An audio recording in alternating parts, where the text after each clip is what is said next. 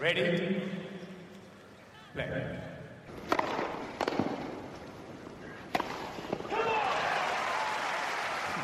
Merhabalar, Yemek Sepeti'nin sunduğu podcast'imiz Inside Out'un 33. bölümüne hoş geldiniz. Ben Gökalp. Ben Anıl, merhaba.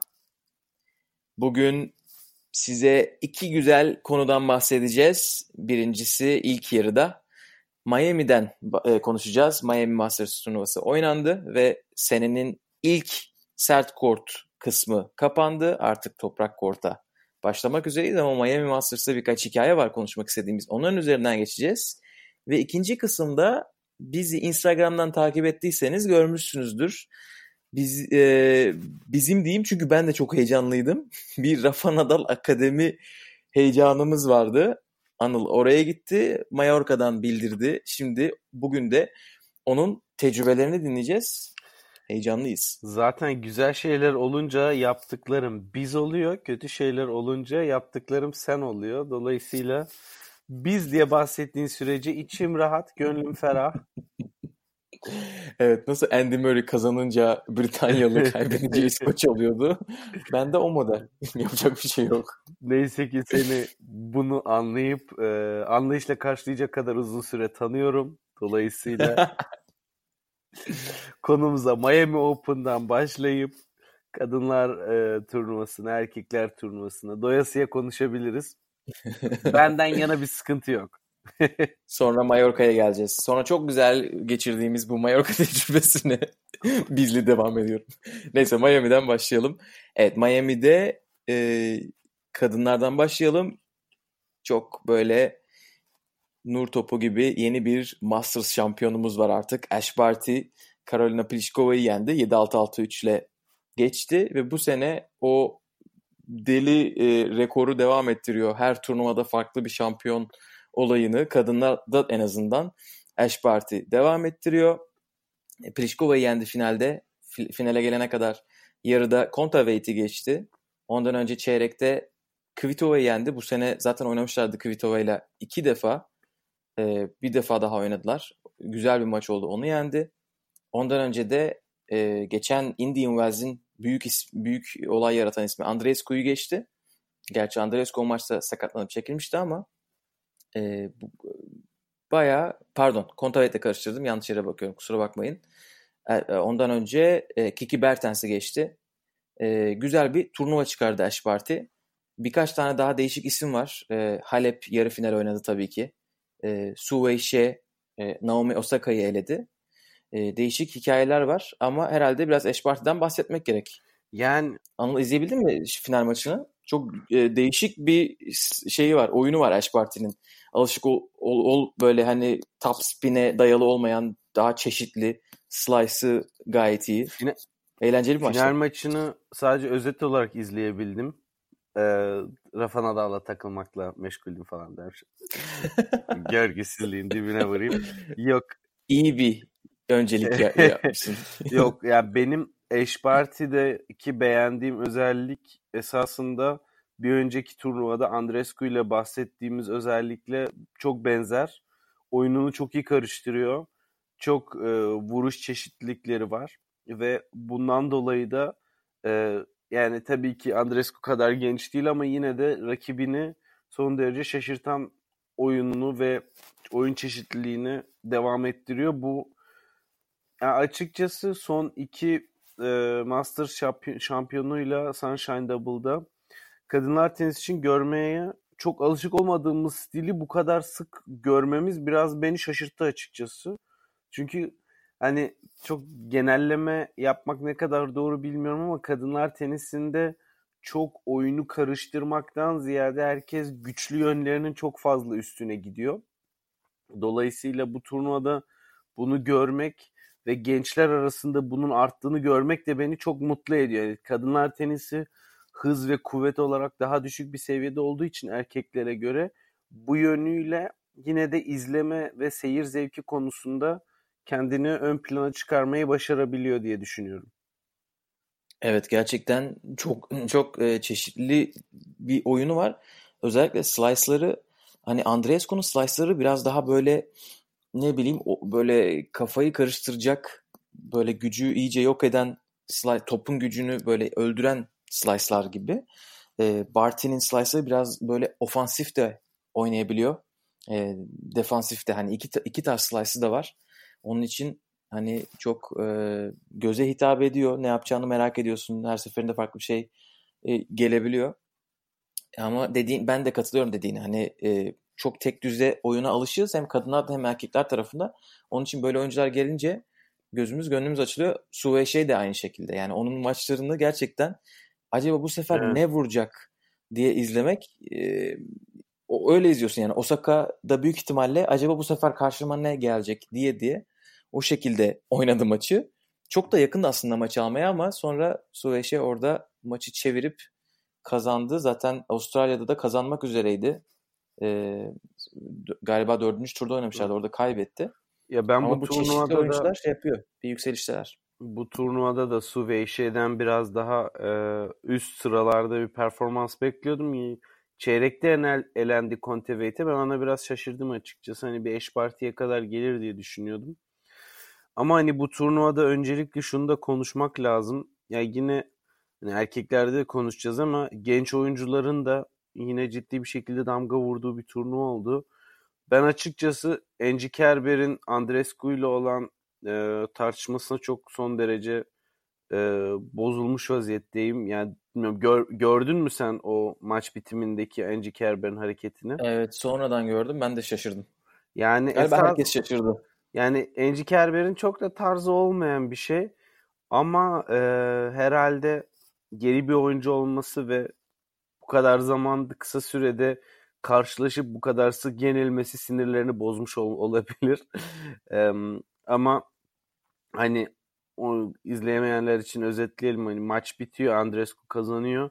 Enci Kerber filede elini sıkmadan önce hani zaten elini sıkmaya çok tenezzül etmiyor. Ama e, biggest drama queen ever diyor.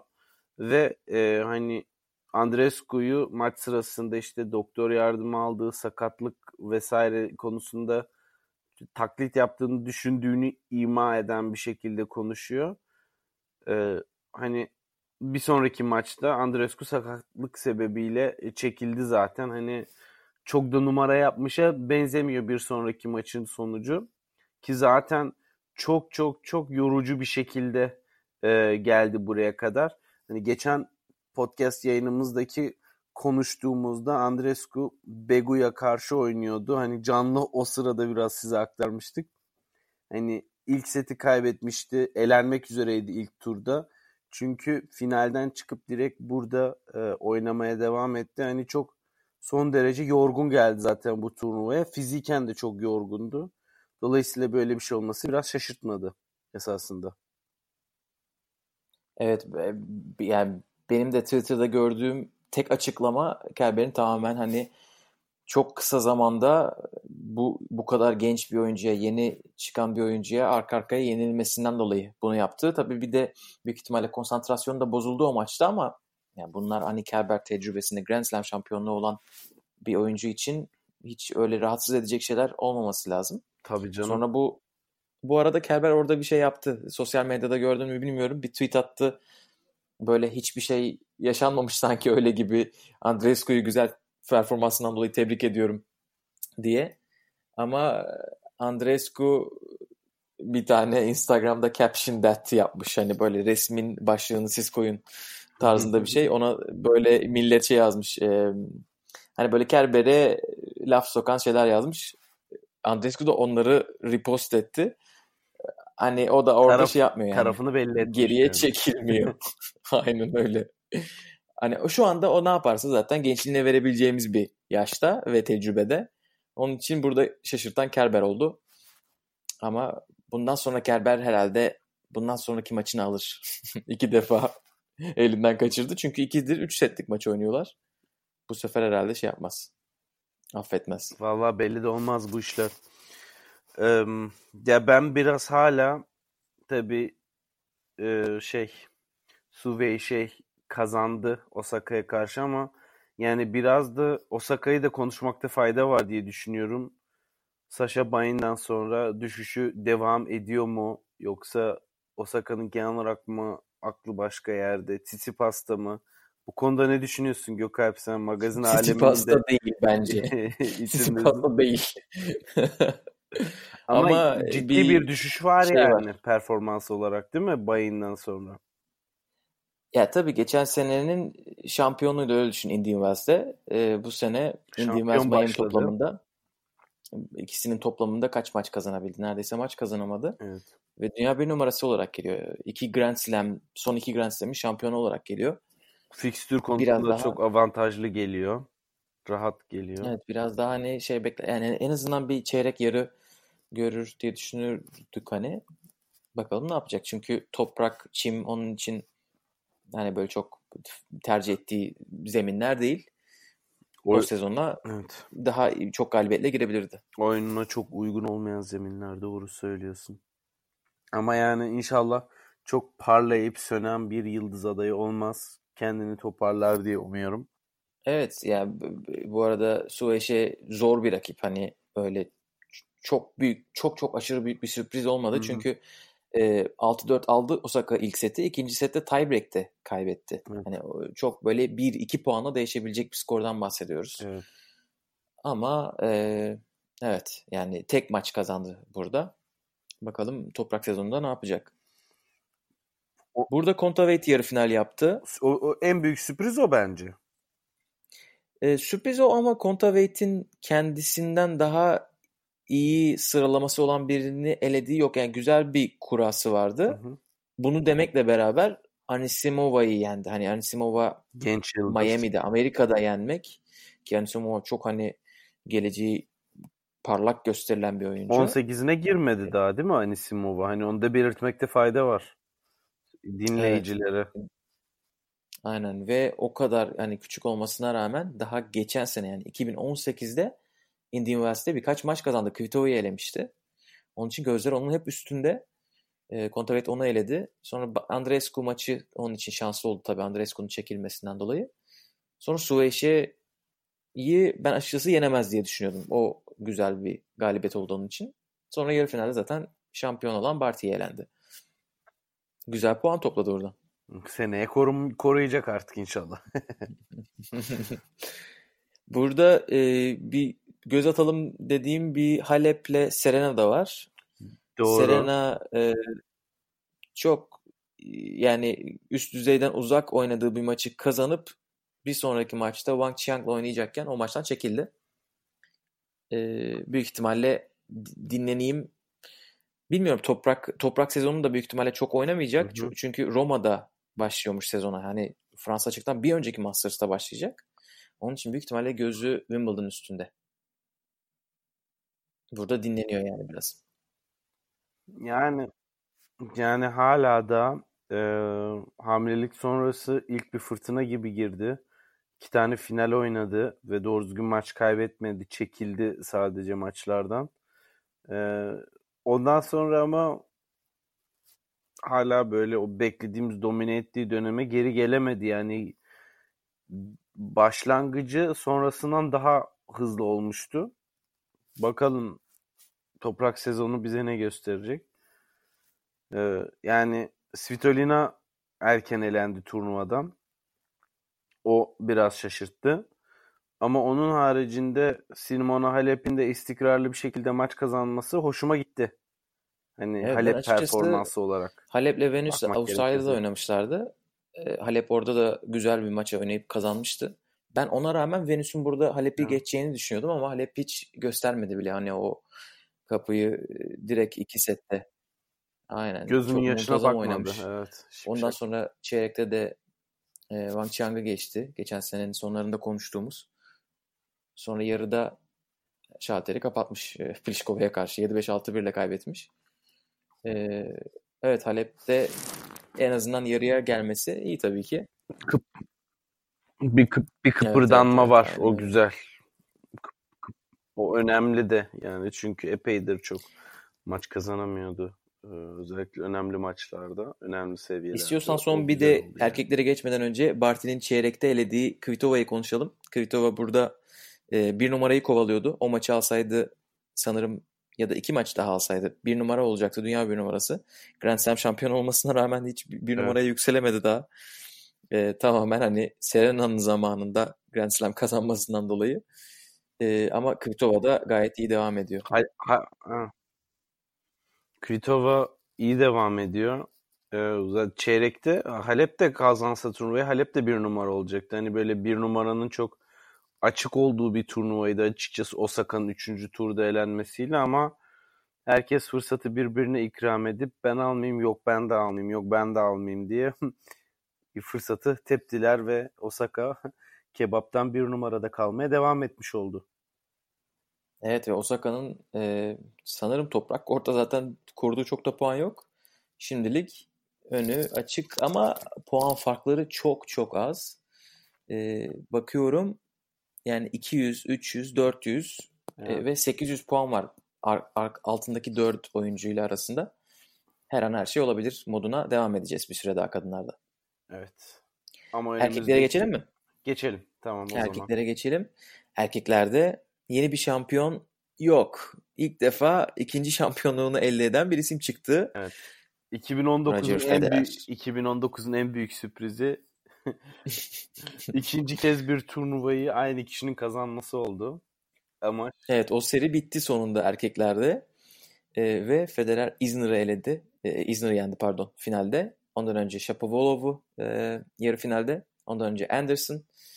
E, ondan önce Tom e, pardon Tom Tomljanovic diyecektim.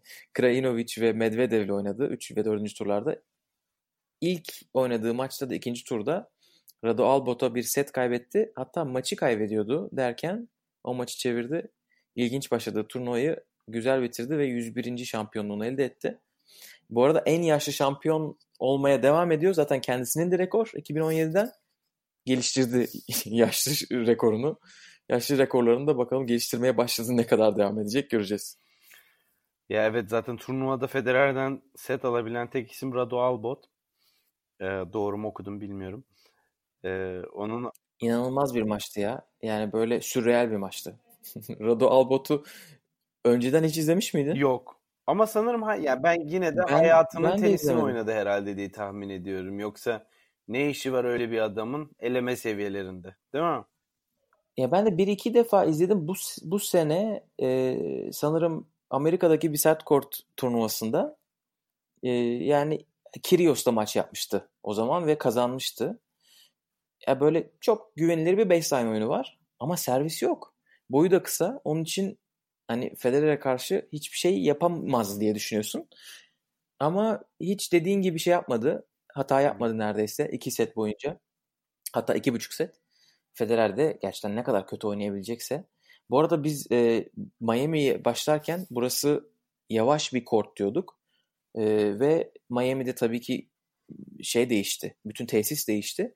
Bu sene kortun hızını arttırmışlar. Ve böyle yüzde 20'ye varan bir şeyden bahsediyoruz. 30 puandı e, indekste baktığınız zaman. Bu sene 36 olmuş. Yani ben Radal maçını izlediğimde acaba kort çok mu yavaş ondan mı zorlanıyor Federer diye düşündüm. Halbuki hani Indian Wells Miami geçişinden dolayı dediler. Yani çünkü timingi çok kötüydü. Çok fazla return kaçırdı. Dalbat orada alsa e, Federer gidecekti. Bambaşka Ama sonra bir hikaye konuşuyor her... şimdi. Evet aynen öyle. Büyük ihtimalle o yeni tek şampiyon serisi devam ediyor olacaktı. Ama sonra her maç tabii ki Federer yaptığı gibi, o büyük oyuncuların yaptığı gibi üstüne koydu ve en son Isner maçında inanılmaz bir seviyedeydi ilk sette. Isner ben hatırlamıyorum 6 birlik bir set kaybettiğini son zamanlarda. Çok çılgın bir return performansıydı Federer'den. Yani hani Isner'ın nereye atacağını görüyor o, gibiydi yani bir ara. Final maçını son en sonunda yine e, bir detaylıca konuşuruz. E, orası gerçekten çok mastermind e, neden Federer için diyebiliriz. Diğer oyunculardan onu ayıran en önemli özellik ne? Bunu bir kez daha konuşuruz. Ama yani 100. şampiyonluğa ıkına ıkına bir türlü gelememesi sonra ardından çat diye 101 alması da ayrı bir güzellik oldu. Bakalım hala hedefimiz sözümüzde dinleyicilere 110.yu e, da e, Federer özel yayınıyla kutlayacağız. Eğer ki 110. şampiyonluğunu da görebilirsek. Evet burada Federer gerçekten efsane bir maç oynadı İzmir'e karşı. Özellikle ilk set. Ama Isner'ın ikinci sette bir yaşadığı sakatlık var. Hani o sakatlıktan dolayı mı bu kadar iyi oynadı diye düşünüyor olabilirsiniz. Ama Federer çeyrek finalde Kevin Anderson'ı 6-0'la geçti ilk sette. Yani bu kadar iyi bir servis oyuncusu ve Kevin Anderson bundan önce çok hani şey de yok. Çok uzun oynadığı maç da yok. Hani öyle bir sıkıntısı da yoktu. Onun için hani bütün turnuva boyunca gayet güzel oynadı. Ve e, Anderson maçında o kadar iyi return yaptı ki bence sırf ondan dolayı Isner maçında kendi return oyununa çok güvendiği için e, yazı turayı kazanıp Isner'ın servisini karşılamayı seçti. Bu inanılmaz değil mi ya özgüven belirtisi? Isner evet, bir yani, şaşırmıştır ne olduğunu. ya şöyle söyleyeyim. Bence finale gelmeden önce onları atlamamak adına konuşmamız gereken çok önemli konular var. Birincisi e, konuyu böyle finalden alıyorum gibi senin gazını alıyorum gibi oluyor ama tam böyle çok arada kalacak bence. Birincisi konuşulması gereken bir David Ferrer gerçeği var. İkincisi ikinci kez bu sene karşılaştığımız Augusta e, Bautista Agu ve Djokovic'in talihsiz eşleşmesi ve üçüncüsü tabii ki benim en çok sevdiğim konu Next Gen'in gümbür gümbür geliyor oluşu. Öncelikle Ferrer konusunda düşüncelerini merak ediyorum Gökalp. Ne diyorsun Ferrer'in bu e, sonbaharında göstermiş olduğu performansı, Zverev'i yaklaşık e, neredeyse herhalde bütün raketlerini kırdırtmaya sevk edecek oyunu. yani gerçekten diyecek bir şey yok. Adam zaten hani çok çalışkan bir adam. Hani böyle maçlar kazanması şaşırtmaz diyeceğim ama çok fazla turnuva oynamıyor tabii ki. Veda turu Bırakmasına sanırım. çok az kaldı. Veda turu gibi Tabii şey. Madrid'de bırakıyor. Pardon e, nerede bırakıyor? İspanya'da bir yerde bırakıyor. Barcelona'da mı? Madrid'de mi? Son senesi. Onun evet. için bir de full tam takvim oynamadı son 12 ayda. Ama David Ferrer yani adamın malzemesinde var. Onun için e, şaşırıyorsun yine de şaşırmıyorsun. Çünkü buraya bir de davetiyeyle geldi. Wildcard'la geldi. falan gelmedi. Ve orada Sam Querrey'i 6-3-6-2 ile geçmek.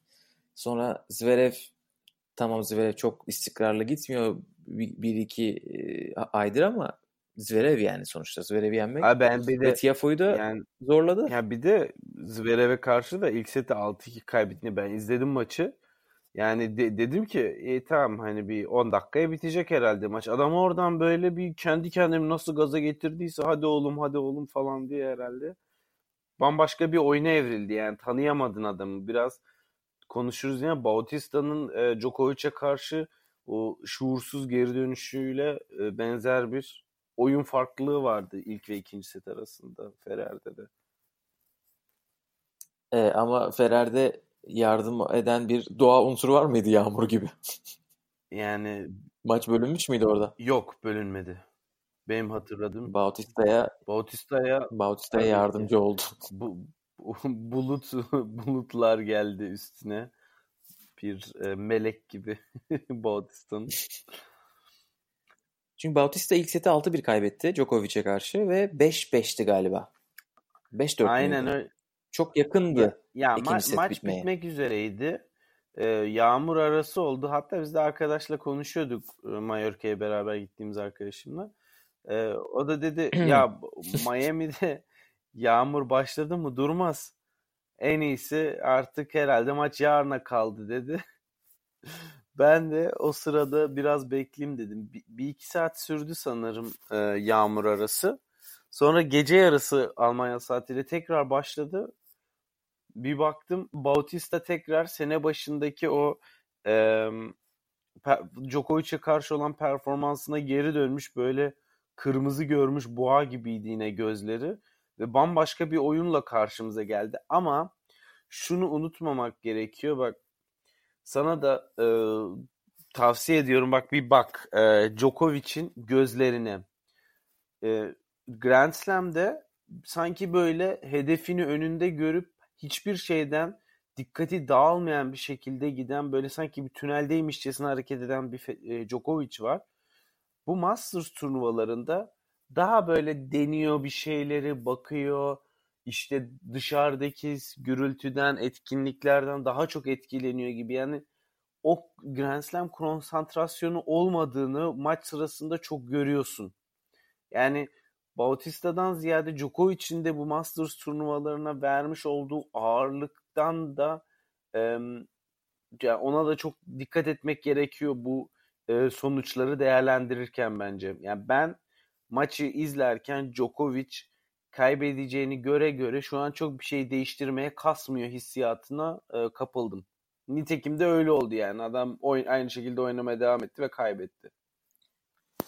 Djokovic bunun bu zamana dair bir şey olduğunu söylüyor. Özellikle yani bu Indian Wells ve Miami e, de yaşadığı bir şey olduğunu söylüyor. E, çünkü yani Masters turnuvalarında Djokovic gerçekten iyi, iyi, iyi rakamlar elinde. Yani Nadal'la sürekli el değiştiriyorlar. En çok kazanmış, Masters kazanmış isim. E, Ona e, eyvallah. Ona eyvallah. Onun için burada özellikle kort dışı çok fazla şey oldu. Konsantre olamadım diye bir açıklama yapmış. Ee, bir, takip etmeyenler varsa tam Indian Wells'te e, oyuncu konseyinin toplantıları oldu ve e, Djokovic'in başında olduğu bir oyuncu grubu şeydeki gruptaki e, ATP'nin CEO'sunu kelimenin e, anlamıyla yani resmen kovdular adamı ve Chris Kermod'dan herkes çok memnundu. Ve bütün oyuncular neden kovulduğunu anlayamadılar. Bizim görüşlerimiz alınmadı diye bir sürü yaygara çıktı. Bunu bu arada yaygara derken hani Nadal, hmm. Federer, Wawrinka gibi insanlardan bahsediyoruz. Yani Bunların yaygara hepsini... diyerek olayı küçümseme. Bayağı Djokovic'in tenis camiasını ele geçirme girişimi olarak yorumlayan da birçok insan oldu bu konu hakkında. Evet Djokovic'in başı çok ağrımıştır büyük ihtimalle yani o Indian Wells zamanında. Sonra bir de bu arada ATP konseyinde e, şu anda mahkemelik olan bir Justin Gim Gimelstob var. Hani onun mu yeni ATP CEO'su olacak diye böyle sürekli bir spekülasyon. Onun için bu sıra özellikle Djokovic'in hani konsantrasyonun çok dağınık olması normal karşılanabilir. E, o da normalde ben hatırlamıyorum Djokovic'in çok böyle şu aklım çok dağınıktı ondan kötü oynadım dediğini. Miami sonrası böyle bir açıklama yapmış. O biraz kafayı toparlasın, gitsin yogasını yapsın, ormanda yürüsün. Yine bir şeyler kazanır. Master kazanmaya devam eder bence. Ya yok zaten e, hani Grand Slam'lere yaklaştığımızda konsantrasyon seviyesi de yükselecektir. Yani Nadal'ın durumuna bağlı olarak zaten Nadal harici Roland Garros'un en büyük adayı görünüyor şu anda. Bir team ne yapar toprağın veliahtı diyebileceğimiz isim ama yani genel olarak konsantrasyon düşüklüğü zaten benim de dikkatimi çekti. Onun haricinde seviye olarak kendisi hala sinir bozucu bir seviyede diğer oyuncular açısından deyip Aynen öyle. E, konuyu gençleri konuşalım mı? Sonra gençleri konuşup Aynen. kapatalım erkekler kurasını. Aynen. Deyip next gen'e geçelim diyecektim ki lafı ha. ağzımdan aldın. Ee, bir... Sen zaten turnuvaya başlamadan önce diyordun ki aşağısı genç kaynıyor. Buradan bir şeyler çıkacak ve çıktı gerçekten. Ve yani hakikaten tabii ki biraz fazla önden e, sinyalleri veriyorum gibi bir senedir bağırıyorum gençler geliyor gençler geliyor diye. Bu ligi biliyorsun. Ya alakası yok. E, Grand Slam'lerde hala daha tecrübe farkı kendini gösteriyor. Çünkü 5 setin 3'ü, gerçi Grand Slam haricinde 5 setin 3'ü de o, olimpiyatlarla beraber kalmadı. Orası da hani takip etmeyenler için söyleyelim. Artık 3 setin ikisini kazanan şekline dönecek. E, erkekler finali de dolayısıyla olimpiyatlarda. Olimpiyatlarda. Dolayısıyla best of five dediğimiz 5 e, setin 3'ünü kazanan sistem sadece Grand Slam'lere özgü bir sistem olarak bundan sonra yoluna devam edecek değil mi Gökay? Aynen öyle. Evet, yani e, o yüzden Davis Cup'tan da kalktı. Grand Slam'ler haricinde gençlerin önü çok daha fazla açıldı ve hani izlediğimiz oyuncular Çoric zaten ilk ona adım adım giren şu an 12. sırada mı 11. sırada mı 11. sırada sanırım Ali yukarıları tırmanıyor. Gerçi Del Potro var sanırım 12. sırada şu anda. Ee, ama bir Francis Tiafoe senenin başında güzel sürprizler yapan e, onun haricinde çiçeği burnunda e, yeni yıldızımız Felix. Felix Oji Aliasim ve e, geçen sene Madrid Masters'ta dikkatimizi iyice çekmiş ve takip etmeye başlamış olduğumuz Deniz Shapovalov. Hatırlıyorsan seneye bu çocuk ilk onu görür demiştik. O zaman tabii çok başka bir yerdeydi sıralaması ama e, bakalım Madrid'e kadar top 10'i zorlayabilecek mi? Gerçi artık zor ama yani bu sene bu seneyi e, top 10 içerisinde bitirme şansı onun da epey yüksek ki e, backend istikrarı beni acayip şaşırttı. E, o konuda bayağı e, memnun kaldım. Ama bence e, bu turnuvada konuşulacak daha detaylı konuşulacak bir next gen varsa o da Felix Oje Aliasim. Yani bundan 3 ay önce kimsenin doğru düzgün adını telaffuz edemediği bir isim. İzmir'e karşı yani %99 alacaktı maçı. İzledin mi Gökalp? E, izledim Yani tabii. ilk seti 5-3'ten 5-2'den kaybetti. 5-3'ten kaybetti. İkinci seti de 5-2'den kaybetti. Ee, yani evet. ama maç bittikten yarım saat sonra da servis çalıştı. Eşek sıpası diyeceğim bu noktada. Çünkü yaşına en uygun e, tabir o. Ee, yani iki seti de kendi servisini yani John Isner'ın servisini kırıp kendi servisini koruyamamak gerçekten acemilikten başka hiçbir şeylikle açıklanamaz. Çünkü e, gerçekten acayip güzel oynadı ve aslında çok da iyi servisi var Felix'in. Fakat acemiliğinin kurbanı oldu ve finalde Federer'le karşılaşamadı ki kendisi Miami turnuvasının tarihinin en genç yarı finalisti. Yani tarihi de bir başarıya imza attı burada. Yani sadece genç olarak değil en genç yarı finalist olarak da şu anda küçük çaplı bir rekora imza atmış bulunuyor kendisi. Ve yani oyun kalitesi acayip seviyelere gidiyor Gökalp ya Felix'in. Sen ne düşünüyorsun? Valla me- medyada bayılırdı ha. En gençli en genç finalist en yaşlı finalist karşılaşıyor tarihin diye. Tam şey olurdu böyle işte ne deniyor ona torture böyle işte tam böyle e, devir teslim havası falan filan diye. Senin de e, yok ben ben bayıldım ya İzmir maçındaki performansına. Bence hiç üzülecek evet. bir şey yok yani onun adına. E, tamamen tecrübesizlikten kaybetti.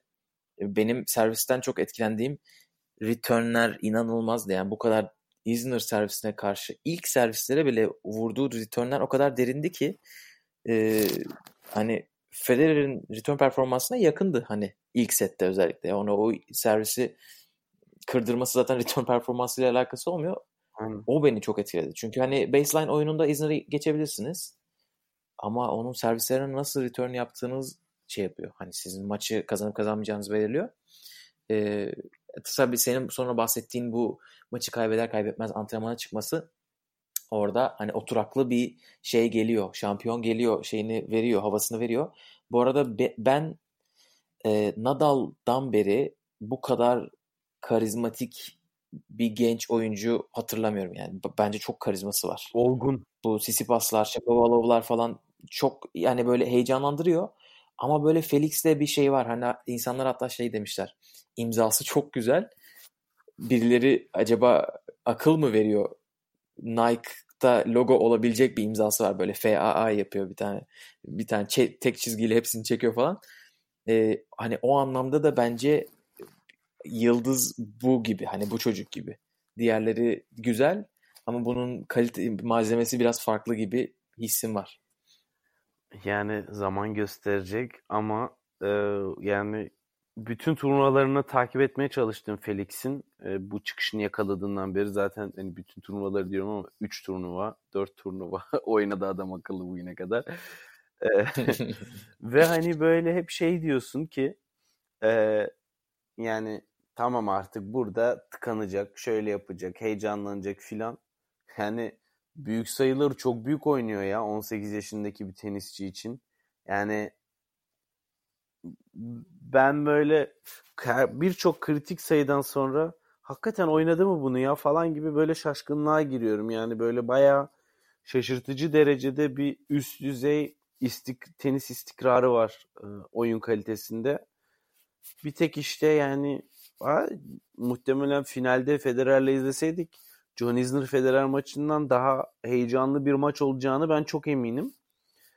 Olur o da nazar boncuğu yani. Bakalım daha önünde e, turnuvalar var. Ben şimdi toprak kort performansını tekrar merak ediyorum. Çünkü e, bugüne kadarki iki toprak turnuvasında izlediğimiz e, toprak sezonunun dışındaki e, toprak turnuvalarıydı. Dolayısıyla en üst düzey isimleri çok fazla göremedik orada team haricinde.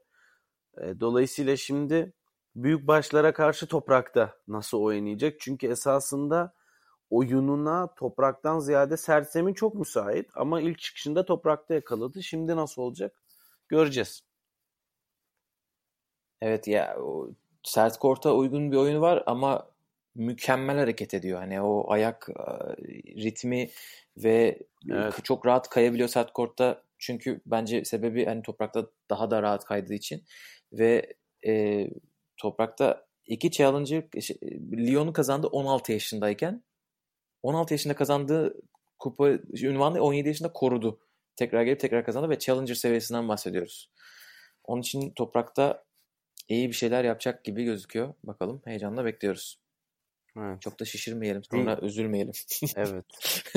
Aynen. Deyip finale geçelim bence. Ee, burada yani John Isner Federer maçı yani hakikaten benim düşüncem eğer bir Federer'de bir sakatlık yoksa, bir konsantrasyon eksikliği yoksa John Isner tarzı servisiyle maç götüren birinin hani sabaha kadar oynansa Federer zaten yenemeyeceği bir e, durum söz konusuydu. Nitekim hiç de şaşırtmadı. Ama yani Federer'in artık yani aşmış bir oyun okuma kabiliyeti olduğu da bir kez daha gün yüzüne çıktı. Çünkü yani şey müneccim misin be adam? Hani bu kadar mı bir servis okunur? Hani servis okuma zorsa bunun en zoru John Isner'a karşıdır, Kevin Anderson'a karşıdır ve ikisini üst üste koyup kupayı aldı Federer. Hani bence zaten finalin en kilit olayı Federer'in John Isner'ın servisini okuması. Yani onun dışında kendi servis kalitesi ve e, oyunu yönlendirmesi zaten John Isner'ın başa çıkabileceği bir nokta değil. Hani işi tek yapabileceği servisine tutunup tiebreaklerde fırsat boşluk kovalamak olacaktı John Isner'ın. Yani uzağından bile geçemedi diyelim. Evet ben e, özellikle şeyi merak ediyorum. Hani dediğin gibi servis karşılama performansı inanılmazdı. E, yani çok iyi gördü okudu. İlk, özellikle ilk set dediğim çünkü ikinci sette görememeye başladı. Ee, ama yani Rado Albot maçını izlediyseniz hani siz de fark etmişsinizdir. Federer o kadar fazla ikinci servis kaçırdı ki hani birinci servis tamam kaçırabilir. İkinci servisi o kadar çok bir de fileye taktı ki hani nasıl bir hafta içerisinde buradan buraya gelebilir? Kevin Anderson 6-0, John Isner 6-1'lik setler kazanabilir. İnsan gerçekten hayret ediyor. Onun dışında benim diyeceğim tek şey e, Federer'in bence 2017'den beri en iyi performansını izledik bu turnuvada. Hani buna çok rahat geçti değil mi? Yani ilk turdan sonra böyle akarak geldi. Yani baseline'da çok iyi oynadı. Hani o omuz üzerinden vurduğu forentler 2018'in sonunda neden sakatlık mı var, neden böyle oynuyor dediğimiz forentler sadece ihtiyacı olduğu zaman vurdu. Ee, yani çok güzel gözüktü. Backend'ler de çok iyi gözüktü. E, şu anda evet o çim sezonunda özellikle toprağı bilmiyorum. Toprağı çünkü iki senedir oynamıyor. Şimdi ne yapacak? Merak etmeye başladım ben. Evet ama bence çok da konuşmayalım Federer'i. Ben korkuyorum nazar değecek diye. Çünkü şu andaki gibi fiziği devam ederse yani bırak Tokyo'yu Tokyo'dan sonraki sene de izleriz.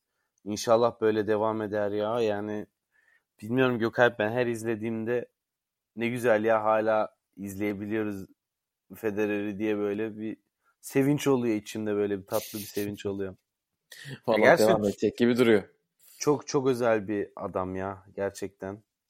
Evet bu şampiyonlukla beraber e, Londra'ya giden race'te bir numarayı ele bir geçirdi. Numara. Aynen Djokovic öyle. Önünde ilk üçte Federer, Djokovic, Nadal var. Ama artık sonra yakınlarda insanlar var. Eskiden yani 2017'de ara açıktı. Ama şimdi Tsitsipas takip ediyor 4 numarada. Sonra Team var. Team toprakta çok puan toplayacak. Sonra İzmir, Monfils, Medvedev diye gidiyor. Güzel bir sezon olmaya başladı. Evet. Kadınlar tabii ki puanlar birbirine çok daha yakın. Bu arada Miami son kapatmadan önce Sunshine Double teklerde kimse yapamadı. Ama kadınlarda çiftlerde Mertens'le Sabalenka ilk defa birbirleriyle birlikte oynadıkları Indian Wells'te turnuvayı Evet. kazanıp üstüne Miami'yi de kazandılar. İnanılmaz bir iş başardılar. İki tane Masters turnuvasını oynadıkları ilk iki turnuvada kazanarak başkası yaptı mı bunu bilmiyorum ama yaptıysa da uzun zamandır olmayan bir şeydi. Onlara iyi moral deposu olmuştur diye düşünüyorum. Ben de katılıyorum ve e, hani daha önce de söylediğimiz gibi çiftlere bilindik isimlerin katılması çiftlere olan ilgiyi de her sene arttırıyor ve bu da güzel ve keyifli maçlar çıkarıyor. Yani erkekler çiftlerinde de Tsitsipas, e, Koolhoff'la beraber güzel bir ikili oldu ve benim son zamanlarda izlediğim en ya çok izlemiyorum zaten dürüst olmak gerekirse ama ben bu kadar keyifli bir çiftler maçı izlediğimi pek hatırlamıyorum. Baktıysan göz ucuyla Brian'larla e, Tsitsipas Koolhoff'un maçı acayip güzel bir maç oldu. O da çok keyifliydi. Yani çiftlere Evet, de bakmakta da- fayda var. Onlar da iyi gittiler hem Indian Wells'de hem Miami'de. Ee, Zaten Miami turnuvasından sonra Tsitsipas Instagram'dan e, açıklama yaptı. Bu seneki bütün Masters turnuvalarında beraber e, çiftlere katılacağız diye. Onun da hoşuna gidiyor. Çok çok güzel maçlar oynadı. Çirkefliğin dibine vurdu yine kendisi ama neyse. E, gençliğine verip e, çok da şimdi şey e, gömmeyelim Tsitsipas'ı. Aynen. Şapovalov maçında yaptığı bir hareket var ama detaylarını sonra konuşuruz gerekirse. Aynen. İyi istiyorsan Mallorca'ya geçelim. Yediğin içtiğin senin olsun hanımefendi. Mayo- Mallorca'ya Mallorca'ya beraber geçemedik. Ee, ayrı geçtim. Ben Mallorca'ya geçtim. Sen e, kaldın. Aynen Olduğun öyle. yerde. Çok, Burayı ay- röportaj çok- gibi yapalım ya. Ben sorayım sen anlat. ç- çok görgüsüzüm değil mi bu konuda? Sen yoksun ben kendim gittim değil mi?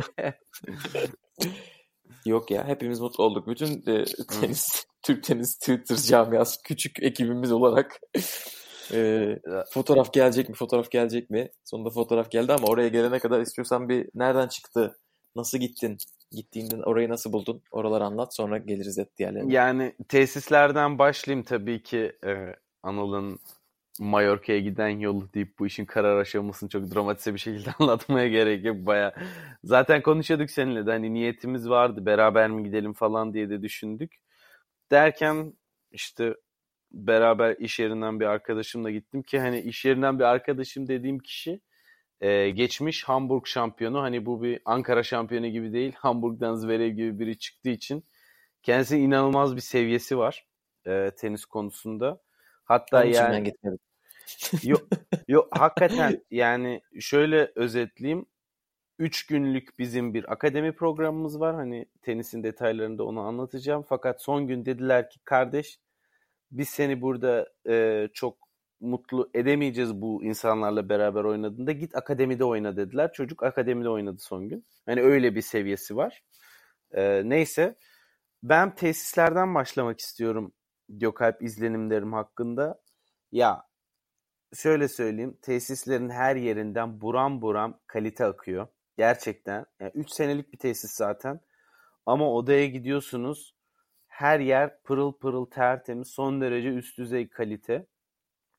Ondan sonra zaten karşılayanlar, işte resepsiyonistler onlar herkes çok sıcakkanlı ve iyi niyetli. Yani son derece kaliteli bir ortamda ve son derece sıcakkanlı bir ortamda başladık güne ki e, bu gerçekten hani İspanya'da çok şaşırmayacağımız bir şey belki insanların sıcakkanlılığı ama yani çok üst düzey lüks bir tesise giriş yaptığınızı ilk andan hissediyorsunuz ama aynı zamanda da kendinizi rahat hissediyorsunuz. Hani bu açıdan bence çok e, önemli bir şey. Çünkü diğer tenis akademileriyle karşılaştırdığımız zaman fiyat bir tık yukarıda ama bir tık dediğimde %10 gibi bir maliyet farkı var ama e, oda ve tesis kalitesi olarak %10 değil %200 filan ileride. E, tenisin en iyi akademilerinden birisi de İspanya'da Sanchez Escal diye bilinir. Ve biz orada oraya da gitmiş insanlarla karşılaştık. Dediler ki kıyas kabul etmez. E, bu da bizi çok mutlu etti. Yani şöyle düşünmek gerekiyor. İki ana tesis var. Biri akademi tarafının olduğu toprak kortların olduğu bölüm. İkincisi e, otel tarafının sert kortların ve akademi oyuncularının konaklama bölümünün olduğu esas ana bölüm. E, sert kort 16 tane sanırım sert kort var. Toprak kort sayısı da 8 civarı. Yani böyle kort sayısı olarak yani alabildiğine fazla bir tane de mütevazı merkez kortu var. Futbol sahası var, basket sahası var. Açık kapalı havuzu var. E, spa alanı var. İşte 32-33 derecelik e, sudan 15 derecelik soğuk suya kadar saunası var vesaire masaj odası var. Fitness alanı var. Fitness alanında da işte aradığınız bütün e, aletler, edevatlar var. Personal trainer var. Bizim programımız içinde de dahildi. E, yani dolayısıyla bir sporcunun tatili esnasında görmek isteyeceği bütün imkanlar esasında var.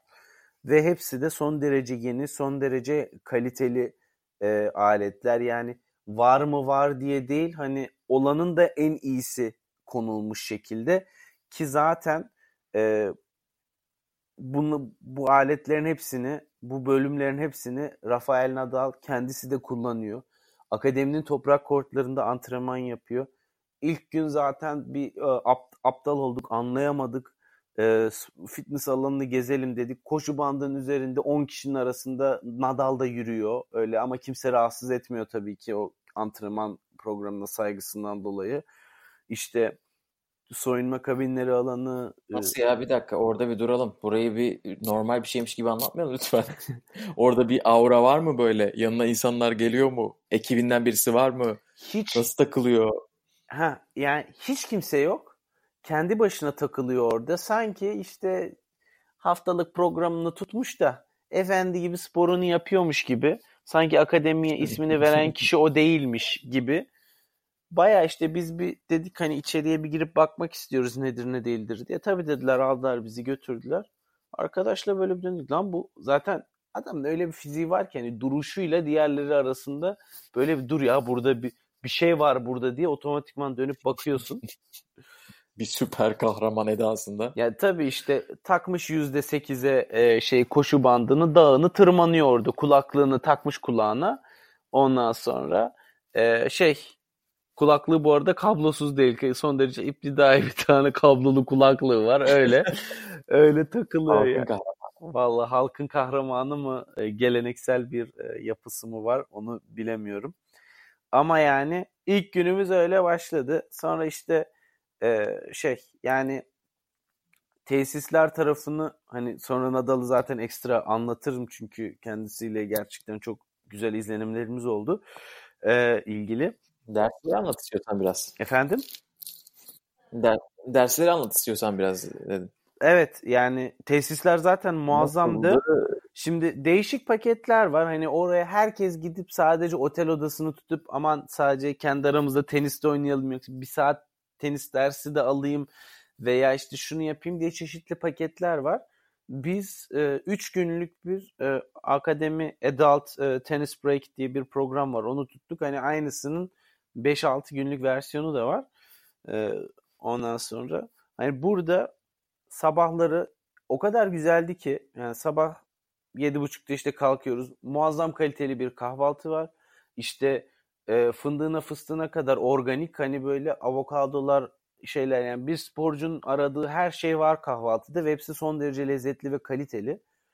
Sonra işte 8.30'da personal trainer'la antrenmanımız var fitness. Bir saat. Onun üstüne işte tekrardan saat 10'a kadar kahvaltı. 9.30'dan sonra yine biraz daha kahvaltı yapabiliyoruz. 12'de e, şey imkanı oluyor. Bu sefer tenis dersi başlıyor. Tenis dersleri 2 saat. 3 e, gün boyunca. Ve orada sizi işte ilk gün zaten bir 10 dakika seviye tespit yapıp işte gruplara ayırıyorlar. Sen şununla oyna, sen bununla oyna diye ve ona göre e, çeşitli vuruş antrenmanları oluyor, maç yaptırıyorlar, servis attırıyorlar ve her günün esasında program detay kırılımında farklı çalışmalar var.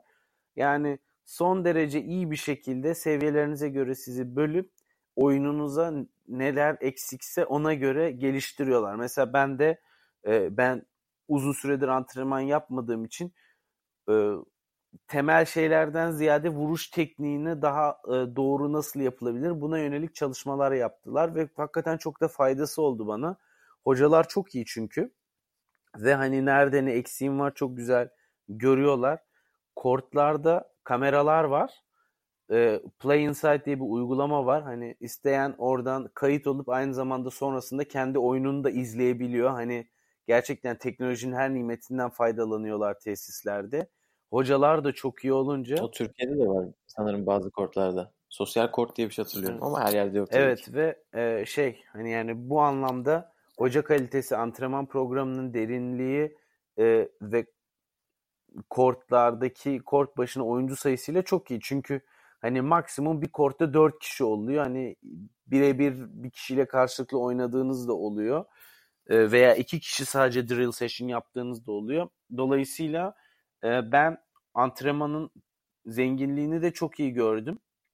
Ama hani şunu diyenler ya biz işte böyle birbirimize yakın seviyede insanlarız ve birbirimizle oynamak istiyoruz derseniz de tabii ki o zaman beraber programa kayıt olmanızda da fayda var.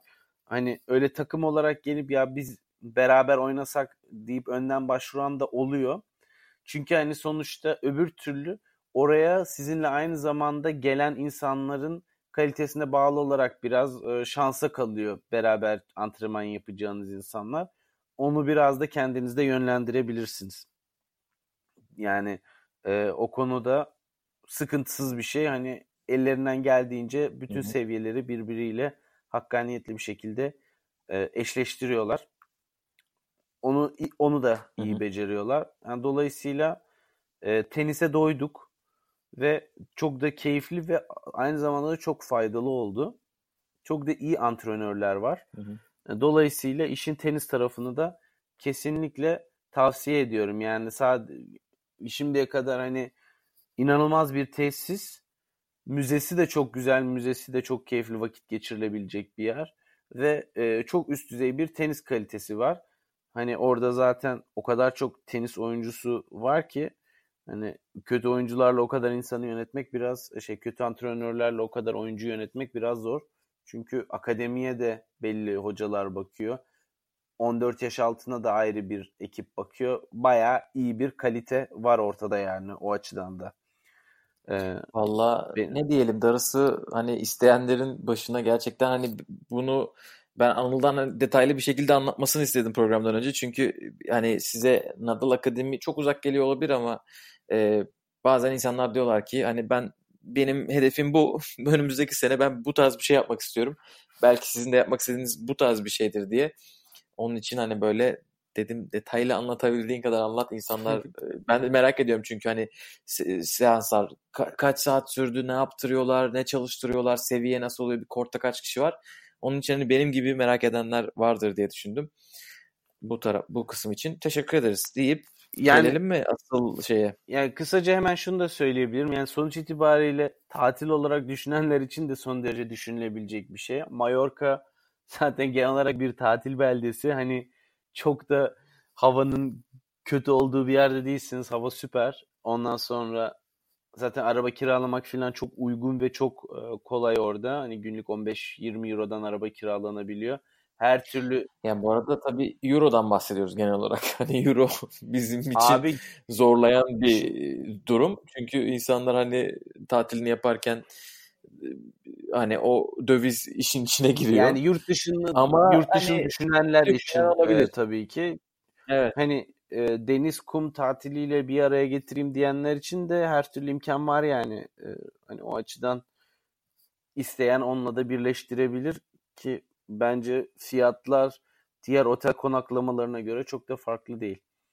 Ee, yani o, o açıdan Rafa'ya gelelim ya. Rafa'ya. Şimdi Rafa'ya zaten bir hafif bir giriş yaptı. Kendisini bu koşu bandında gördük arkadaşı.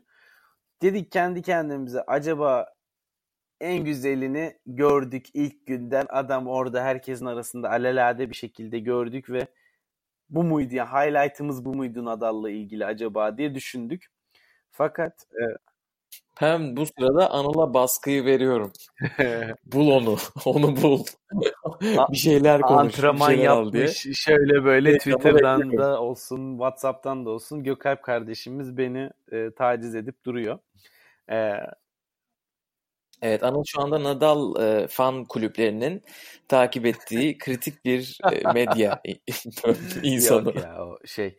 Ama em, yani şöyle söyleyeyim biz işte sabahları fitness programından sonra dedik ki bir saat 10 civarı kahvaltımızı yaptık. Ne yapsak ne etsek hadi gel akademi tarafına gidelim.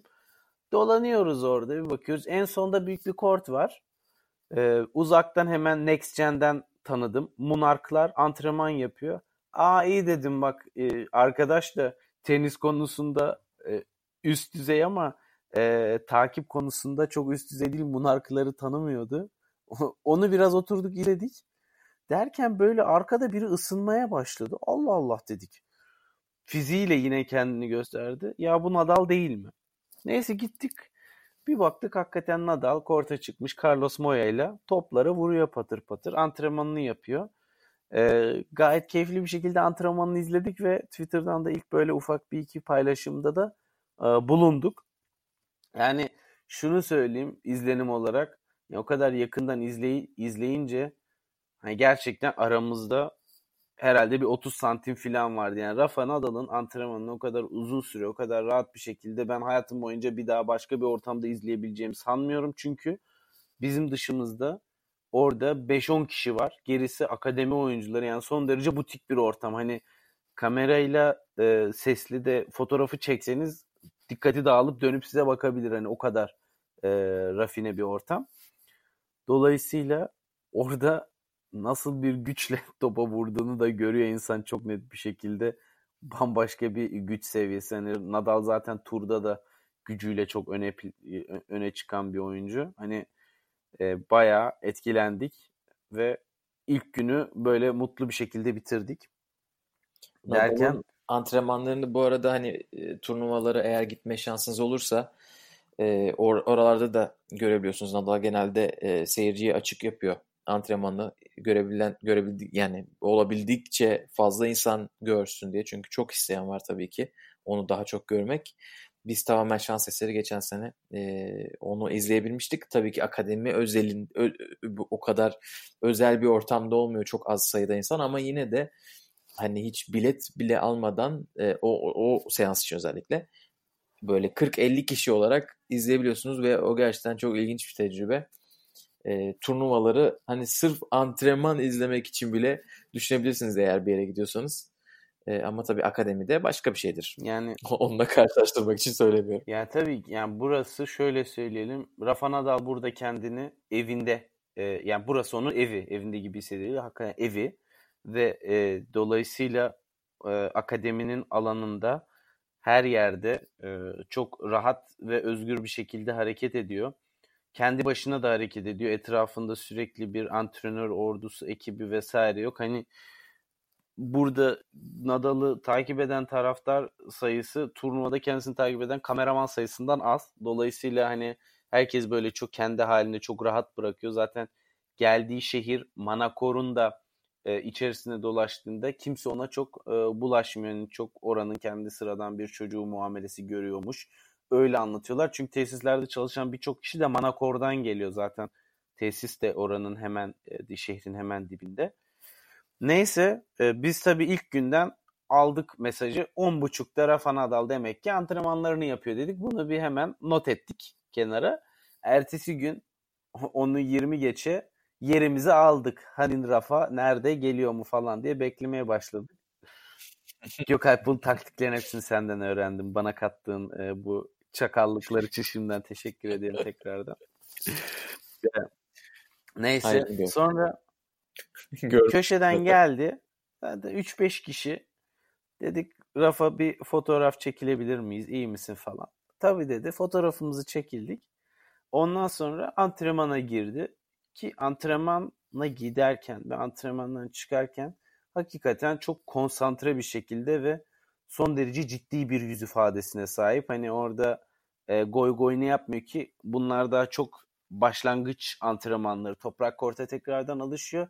Sakatlıktan dolayı çekildi. Yani bir nevi ısınma turları. Hani yoğun tempolu bir antrenmanı da yoktu. Biraz servis attı, biraz topa vurdu. Hani öyle e, oynadı. Ondan sonra hani gayet rahat bir antrenman ortamı olması gerekirken orada da bile son derece konsantre. Derken işte e, şey biz de o gün tekrardan antrenmanımızı yaptık ve ondan sonra işin e, ilginç tarafına geleceğiz. Antrenmanımızı yaptık dedik ki biraz işte fitness yapalım vesaire. Sonra işte e, soyunma odasına gittik. Bu fitness alanının e, soyunma odası ayrı bir yerdi. E, oraya dışarıdan insanlar giremiyor. Sadece işte o tesiste konaklayanlar kartlarıyla girebiliyor. Ondan sonra neyse gittik oraya. Arkadaşla da şakalaşıyorduk. Aa bak eşyalar vardı orada. Aa bak Raf, Raf, Rafa'nın saati falan filan diye gırgır geçiyorduk birbirimize. Derken arkamızı bir döndük. İki saniye sonra Rafa Nadal'ın kendisi geldi. Ve hani kimse yok ortamda. Hani bayağı biz ikimiz orada muhabbet ederken yanımıza kankamız Rafa gelmiş gibi oldu. Hakikaten yani böyle yani bu inanılmaz çok bir olay. cool ya. kalamayacağım hani ya işte oturuyorduk falan filan. Bayağı böyle düşündüğün zaman bunun olma olasılığı nedir diye düşündüğünde imkansıza yakın bir olasılık yani o kadar birebir ve kimsenin olmadığı bir ortamda Rafa Nadal'la iletişim kurma, sohbet etme imkanı bir daha nerede bulunur böyle bir şey bilmiyorum yani öyle bir senaryo bile aklıma gelemiyor. Ee, ve işte hani şey döndük dedik ya biz de şimdi şakalaşıyorduk aa bak Nadal'ın saati diye hakikaten seninmiş falan dedik güldü böyle. Neyse ondan sonra e, tesislerden konuştuk biraz hani şey dedim hakikaten de samimi düşüncem de bu. Böyle bir tesis yaptığın için çok teşekkür ederiz. Tenis dünyası için bence çok önemli bir katkı dedim. Ve hakikaten de samimi bir şekilde söyledim bunu. Çünkü muazzam bir e, atmosfer orada. Her genç oyuncunun e, tenis kariyerini başlamak için aradığı bütün imkanlar var orada. Yani Nadal'a yetiyorsa imkanlar zaten geriye kalanlara da yetsin bir zahmet. E, neyse bunu dedikten sonra acayip gözleri parladı. Yani çok mutlu oldu ve oranın oranın oranın manevi e, Güzel çok güzel hazzı gitmiş. onun için çok çok büyük. Yani o onun böyle bir dünyaya bıraktığı bir dikili taş ismini de verdiği bir yer. Bütün bu arada müzesinde bütün Nadal'ın bütün kupaları o müzede. Hani e, ilk kazandığı Mickey Mouse'lu kupasından bütün son Roland Garros'una kadar hepsi orada yani o bütün anılarını da o tesise bırakmış. İşte dizini sorduk. Dizim iyi dedi. Bir sıkıntım yok dedi. İlk katılacağım turnuva Monte Carlo dedi. Oraya kadar antrenmanlarıma burada devam edeceğim dedi. Ve e, şey yani Bayağı konuşmuşsunuz ya. tabii canım ya kimse yok. Tesis, diz, Monte Carlo. hey, hey yavrum hey maşallah. Tabii yani bayağı muhabbet ettik. Belki bir şey yapsaydın ya bir nazar boncuğu lokum götürseydin. Ya bir davet etseydin bize. Türkiye'den gitmedik ki e, lokum şey yapmayı ama e, şunu sordum Türkiye'deki tenis e, genç tenis severlere e, hani podcast'imizden bahsettim. Türkiye'deki gençlere söyle vermek istediğiniz mesaj var mı akademiyle ilgili diye.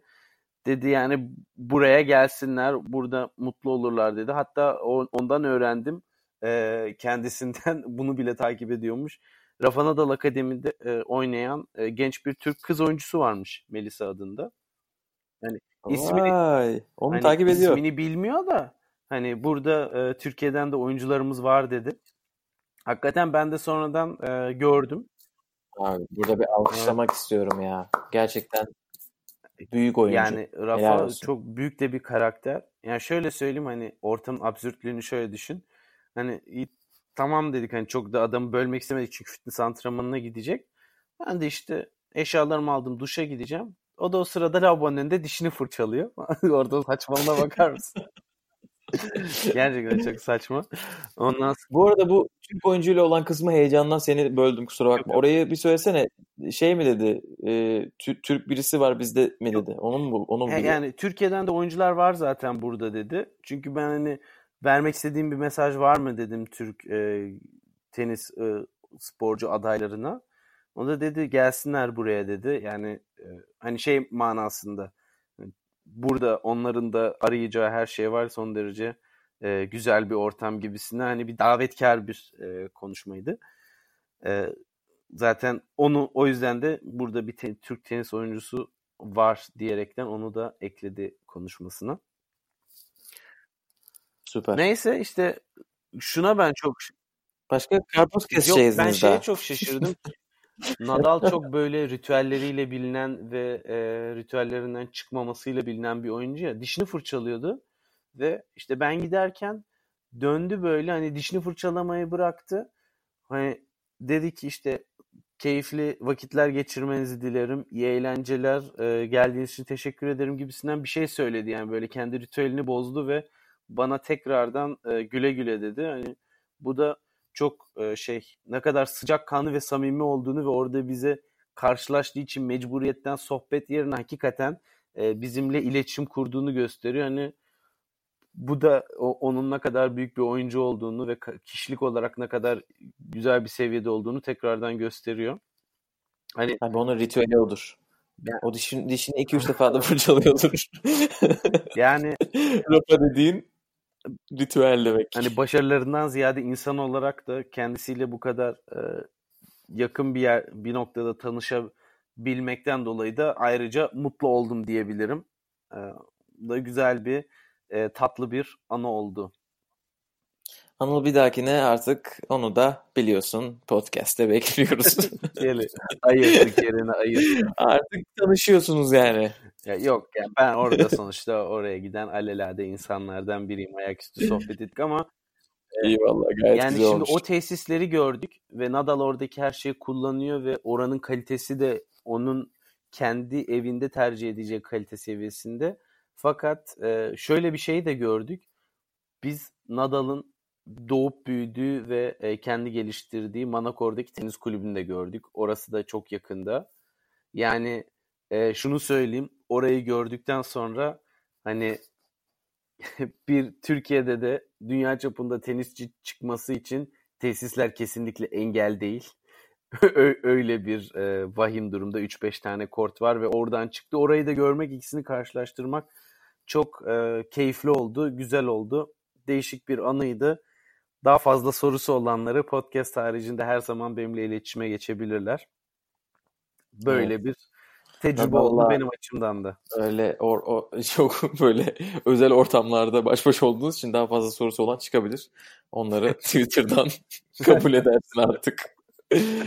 Ee, deyip istiyorsan bu güzel noktada kapatalım mı bugünkü programı? Evet yani tesisleri ve turnuva şey ortamı biraz anlatmaya çalıştım. Daha fazlası reklama girecek biraz ama Instagram'ımızda videolarla parti parti e, paylaşacağız. Hani benim tasvirimden ziyade görelim diyenleri de Instagram'ımıza bekliyoruz efendim. Inside Out FK hesabımıza her zaman bekleniyorsunuz. Diyelim ve de teşekkür edelim. Artık ne diyelim yani darısı başına çok çok isteyenlerin herkesin değil Evet. adamın adamın hayatı var özel. Ama tabii böyle güzel şeylere onlar da hiç hayır demiyorlar. Ee, bu- çok büyük isimler bunlar. Evet. Ee, deyip bir sonraki podcast'te e, toprak kortlara artık başlıyoruz. Heyecan e, orada yükselecek Fransa açığa kadar. E, bazılarında yerinden bildireceğiz. Onun heyecanındayız. E, bazılarında da tabii normal e, takibimizi yapmaya devam edeceğiz. Şimdilik bizden bu kadar. Bizi dinlediğiniz için teşekkürler. Hoşçakalın. Görüşmek üzere. Güle güle.